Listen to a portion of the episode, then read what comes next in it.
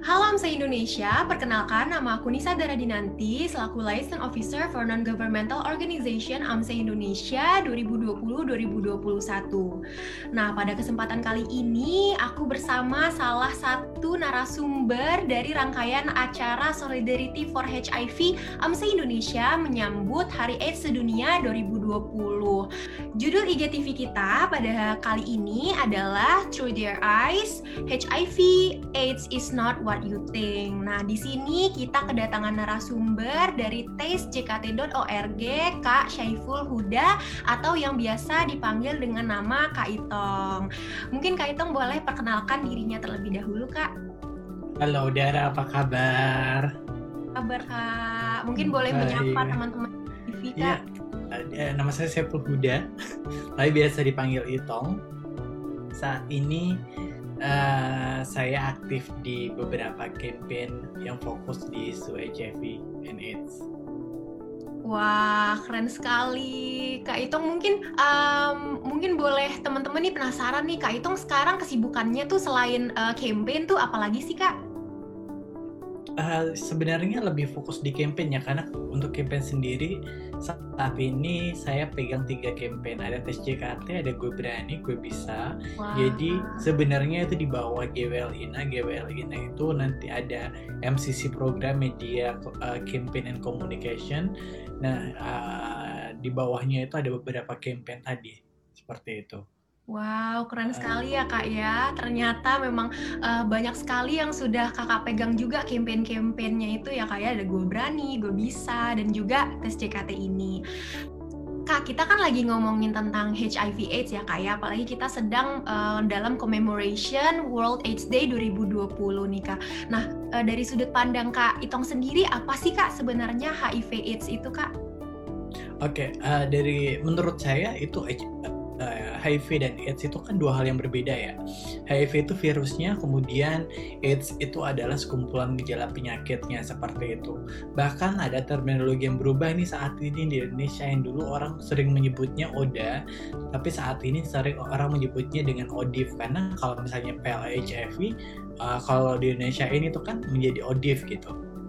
Uh, jadi sebenarnya orang dengan HIV belum tentu orang orang dengan AIDS juga gitu. Jadi ketika orang dengan AIDS pun dia masih bisa balik lagi menjadi sehat lagi, menjadi normal lagi, sehat pulih lagi ketika dia uh, teratur minum obat, hidup uh, hidup seperti biasa, dia akan pulih lagi gitu. Wow, berarti memang sebenarnya yang uh, Pak terkena HIV belum tentu AIDS ya kak ya. Dan uh, boleh nggak sih kak kakak uh, menceritakan kak kapan uh, kak Itong sendiri didiagnosis positif HIV? Kak?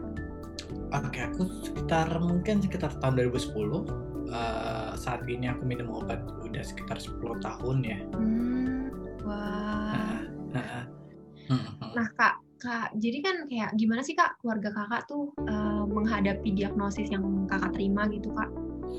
Oke, okay, mungkin kalau buat uh, aku sendiri aku bersyukur ya aku berada di lingkungan yang cukup suportif, punya support system yang bagus seperti itu. Tetapi uh, mungkin beda halnya dengan uh, ya mungkin bagi kita itu proses menerima kita butuh proses untuk menerima itu berdamai dengan itu tapi orang-orang sekitar kita juga butuh proses nih untuk menerima itu juga gitu kadang-kadang apa ya orang itu lebih mudah untuk menghakimi ketimbang harus memahami karena ketidakpahaman mereka. Jadi dengan adanya informasi-informasi seperti ini ini sangat bagus banget karena ini memudahkan orang juga untuk akhirnya paham nih belajar bahwa sebenarnya uh, HIV tidak semenakutkan yang mereka bayangkan. Terus kak uh, pengalaman ada nggak sih kak pengalaman yang nggak mengenakan gitu kak setelah kakak didiagnosis positif? Sebenarnya sih pengalaman kecil kecil ya. Pengalaman kecil-kecil yang ada yang pengalaman besar ya. Pengalamannya itu pasti kecil-kecil nggak ada pengalaman. Aku nggak aku belum pernah mengal uh, belum pernah. Hmm, apa uh, paling ke dok ke ini kelainan kesehatan misalnya aku mau periksa gigi gitu ya. Mm. jadi misalnya untuk orang-orang yang nggak non HIV mereka bisa langsung ditangani. Mm-mm. tapi karena aku HIV positif mereka nggak mau nih. Wah, jadi kebanyakan dokter-dokter juga masih apa ya uh, mereka ada UP ada UP kan universal pre precaution kan. Mm-mm. jadi sebenarnya kan dengan itu mereka udah standar udah ada standar. Itu sebenarnya nggak perlu uh, aku pernah ngerasain jadi kayak ditunda gitu jadi harus direncanain dulu padahal sebenarnya bisa tuh saat itu juga karena Mm-mm. aku dan temanku sama nih masalahnya tapi temanku bisa saat saat itu juga tapi karena aku HIV aku jadi tunda Ya ampun, itu tapi bener-bener ini sih kak. Itu kalau aku jadi kakak sih sedih banget sih kak. Uh, jadi aku aku justru mencoba untuk mengadvokasi diriku sendiri. Kayak misalnya nggak bisa seperti ini. Uh, ini kasusku dengan kasus temanku sama. Kenapa dia bisa aku kenapa aku nggak bisa? Apa yang membedakan? Kenapa? Terus dia mencoba menjelaskan bahwa ini kasusnya beda. Karena aku HIV positif makanya butuh proses harus di apa sih harus di harus dilihat dulu kayak gimana nanti prosesnya kayak gimana prosesnya akan berbeda ya aku paham sih karena uh, nggak semua dokter itu pernah menangani pasien dengan HIV ya Bener banget. Nah, dan kadang itu jadi mungkin ada beberapa dokter yang masih uh, justru stigma dan diskriminasi itu kadang muncul dari layanan kesehatan sendiri. Mm. Bener-bener harus dibenahi ya kak ya. Memang diskriminasi juga. Terus juga buat nih teman-teman uh, mahasiswa juga nanti ya kak. Kan juga yang nonton tuh nanti mahasiswa ya kak. Nah itu buat ya lebih terbuka juga. Terus juga ya jangan milih-milih pasien lah ya kak jatuhnya. Jangan diskriminasi. Terus juga ya pokoknya biasa aja yang kayak kakak bilang sebelumnya ya kak bahwa uh, ya selagi kita ngetrit penyakit ini biasa aja tuh orang pasti biasa aja ya kan kak Hmm, hmm, hmm. Karena sebenarnya aku di, ketika kita tidak uh, ketika kita biasa aja tidak menganggap ini penyakit yang uh, beda, kita akan diterima biasa aja kok.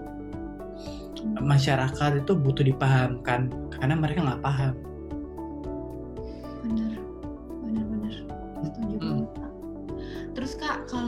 Sudut pandang kakak sendiri sih kak. Em, ada nggak sih kak stigma di masyarakat tuh masih mungkin dari teman-teman kakak nih uh, stigma di masyarakat yang didapetin oleh uh, mungkin teman-teman kakak yang odif juga kak sebenarnya mungkin lebih banyak teman-teman aku ya karena kalau misalnya aku kan cukup suportif. Kayak misalnya kemudian aku bekerja di uh, isu HIV gitu dengan lingkungannya cukup suportif akses cukup mudah buat aku. Tapi kan banyak teman-teman yang uh, akhirnya membawa keluarga mereka ngebawa ke pengobatan ter, uh, pengobatan alternatif misalnya. Karena ketidaktahuan mereka dibawa ke pengobatan alternatif yang itu sebenarnya tidak membuat pulih tapi malah membuat semakin parah kan? Hmm, bener Uh, jadi kayak hal kayak gitu kayak uh, setiap setiap orang pasti punya ceritanya masing-masing. Tapi alhamdulillah sih aku berada di uh, di lingkungan yang cukup suportif. Yang yang yang sering banget aku temui adalah karena ketidaktahuan keluarga akhirnya membawa mereka ke pengobatan alternatif. Dan hampir kebanyakan itu bablas. Hmm, nggak tertolong. Diakhiri hampir dengan kebanyakan bablas nggak tertolong. Karena ketidaktahuan.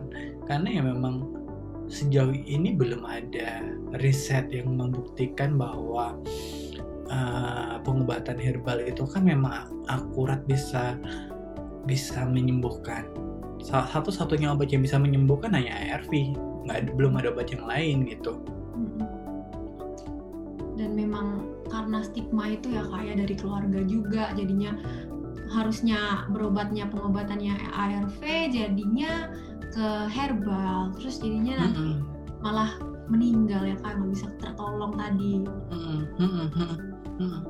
Jadi sebenarnya akhirnya uh, butuh diberikan kita butuh dengan makanya sekarang dengan kampanye sebanyak banyaknya kanal informasi udah banyak banget. Ini bagus banget gitu.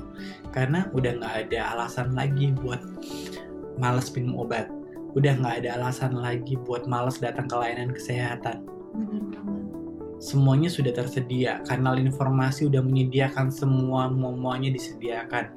Mau datang mau datang ke dokter bikin janji bisa.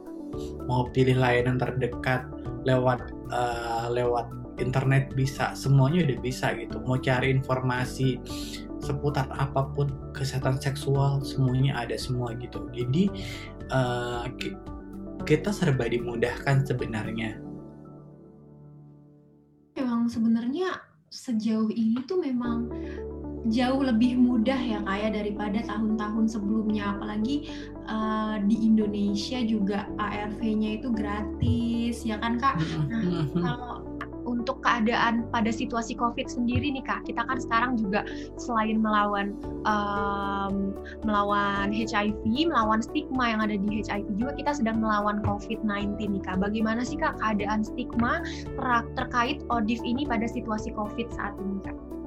Ya, itu jadi seperti beban ganda ya, seperti beban ganda di di, di sisi lain teman-teman juga harus menjaga agar kondisinya tetap fit. Di sisi lain dia juga harus menjaga uh, terkait COVID-19 ini. Jadi uh, itu merupakan beban ganda apalagi buat teman-teman yang baru tahu status di situasi pandemi seperti ini.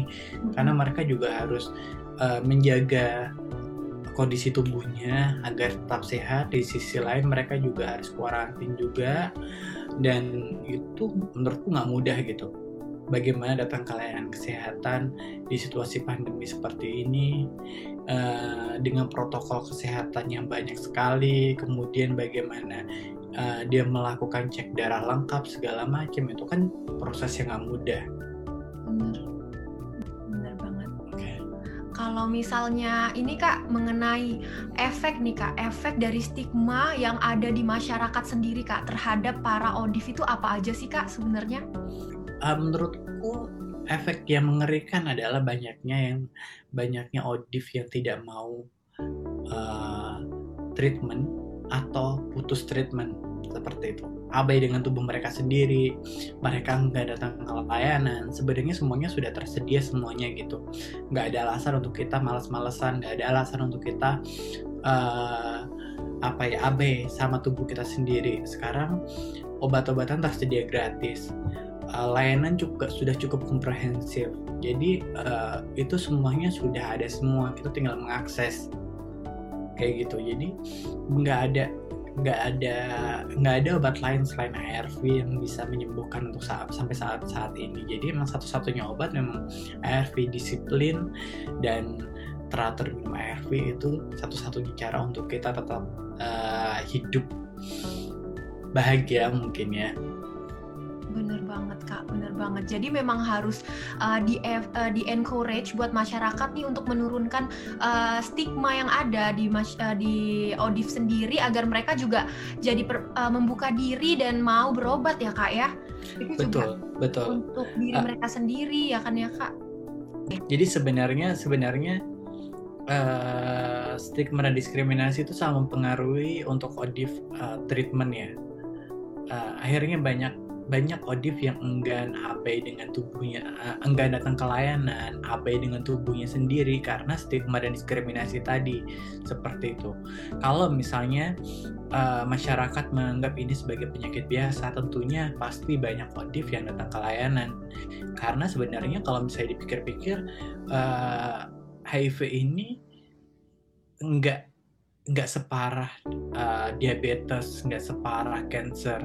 HIV ini ketika orang rutin minum uh, ARV, dia akan memiliki hidup sehat, akan memiliki kualitas hidup yang bagus seperti itu. Bahkan usianya tidak bisa ditentukan, usianya sama aja seperti orang normal pada umumnya seperti itu. Bener banget kak, bener. Nah jadi kak nih ya, uh, kita kan kebanyakan yang nonton IGTV kita adalah mahasiswa ya kak, ya, khususnya mahasiswa kedokteran. Apa aja sih kak peran yang bisa dilakukan oleh teman-teman mahasiswa untuk meminimalisir stigma atau juga diskriminasi terhadap ODIF ini kak? Oke, okay. Uh, apalagi masuk ke dokteran ya mungkin akan banyak banget bersinggungan dengan teman-teman ODIF dan uh, peran untuk bagaimana sih mereduksi stigma dan diskriminasi ini yang pasti yang menganggap penyakit ini sebagai penyakit biasa aja. Karena ketika kita menganggap ini biasa aja orang juga akan biasa aja gitu seperti seperti itu. Jadi uh, stigma itu muncul karena dikaitkan dengan banyak dengan uh, moral dengan uh, banyak hal yang sebenarnya itu ini bisa siapa aja bisa kena aku kamu kita semua bisa kena gitu. Uh, jadi uh, yang kita butuhkan adalah pendidikan seksual kualitas yang komprehensif dan bagaimana orang mengetahui otoritas tubuhnya kayak gitu. Karena walaupun walaupun penularan HIV bukan hanya melalui hubungan seks saja, ada jarum suntik segala macam, tetapi ketika orang-orang tahu akan tubuhnya, mereka kan bisa bertanggung jawab akan tubuhnya dengan tubuhnya sendiri seperti itu. Jadi menurut saya pendidikan otoritas tubuh itu penting banget karena ketika misalnya uh, kita semua tahu ini akan tubuh kita, kita bisa bertanggung jawab dengan tubuh kita sendiri. Tapi ketika kita dikontrol, dikontrol, dikontrol, kita nggak akan nggak akan tahu nih. Uh, justru kita akan penasaran, kita akan mencoba, kita akan mencoba justru.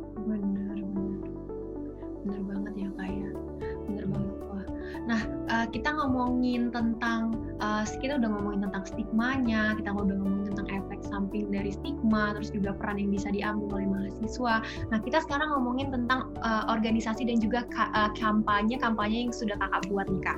Nah, apa aja sih kak kegiatan yang udah dilakukan oleh organisasi atau uh, kampanyenya kakak dalam memperdaya memberdayakan ODIF ini sendiri kak, serta juga uh, yang berperan menekan stigma nih yang melekat pada ODIF. Oke, okay. Jadi sebenarnya kalau di GWLina sendiri ada yang namanya Gue Bisa. Gue Bisa itu adalah virtual support group uh, khusus untuk kodif seperti itu saat ini ada lima, lima grup WhatsApp. Ada yang khusus perempuan ada yang khusus laki-laki seperti itu. Ada yang campuran. Jadi bagaimana mereka bisa terkoneksi bagaimana mereka bisa saling berbagi kerentanan di situ. Uh, ada ada sharing session ada curhat session ada diskusi. Uh, bagaimana mereka saling mengingatkan untuk minum obat seperti itu. Jadi sejauh ini sih salah satu yang kami upayakan adalah melalui kampanye, eh, melalui diseminasi informasi dan juga uh, penguatan di komunitas sendiri. Setidaknya mereka mau minum obat. Wah keren banget nih kak. Mungkin uh, ada kegiatan lain kak dari tes JKT mungkin kak uh, yang sudah dilakukan untuk memerdekakan uh?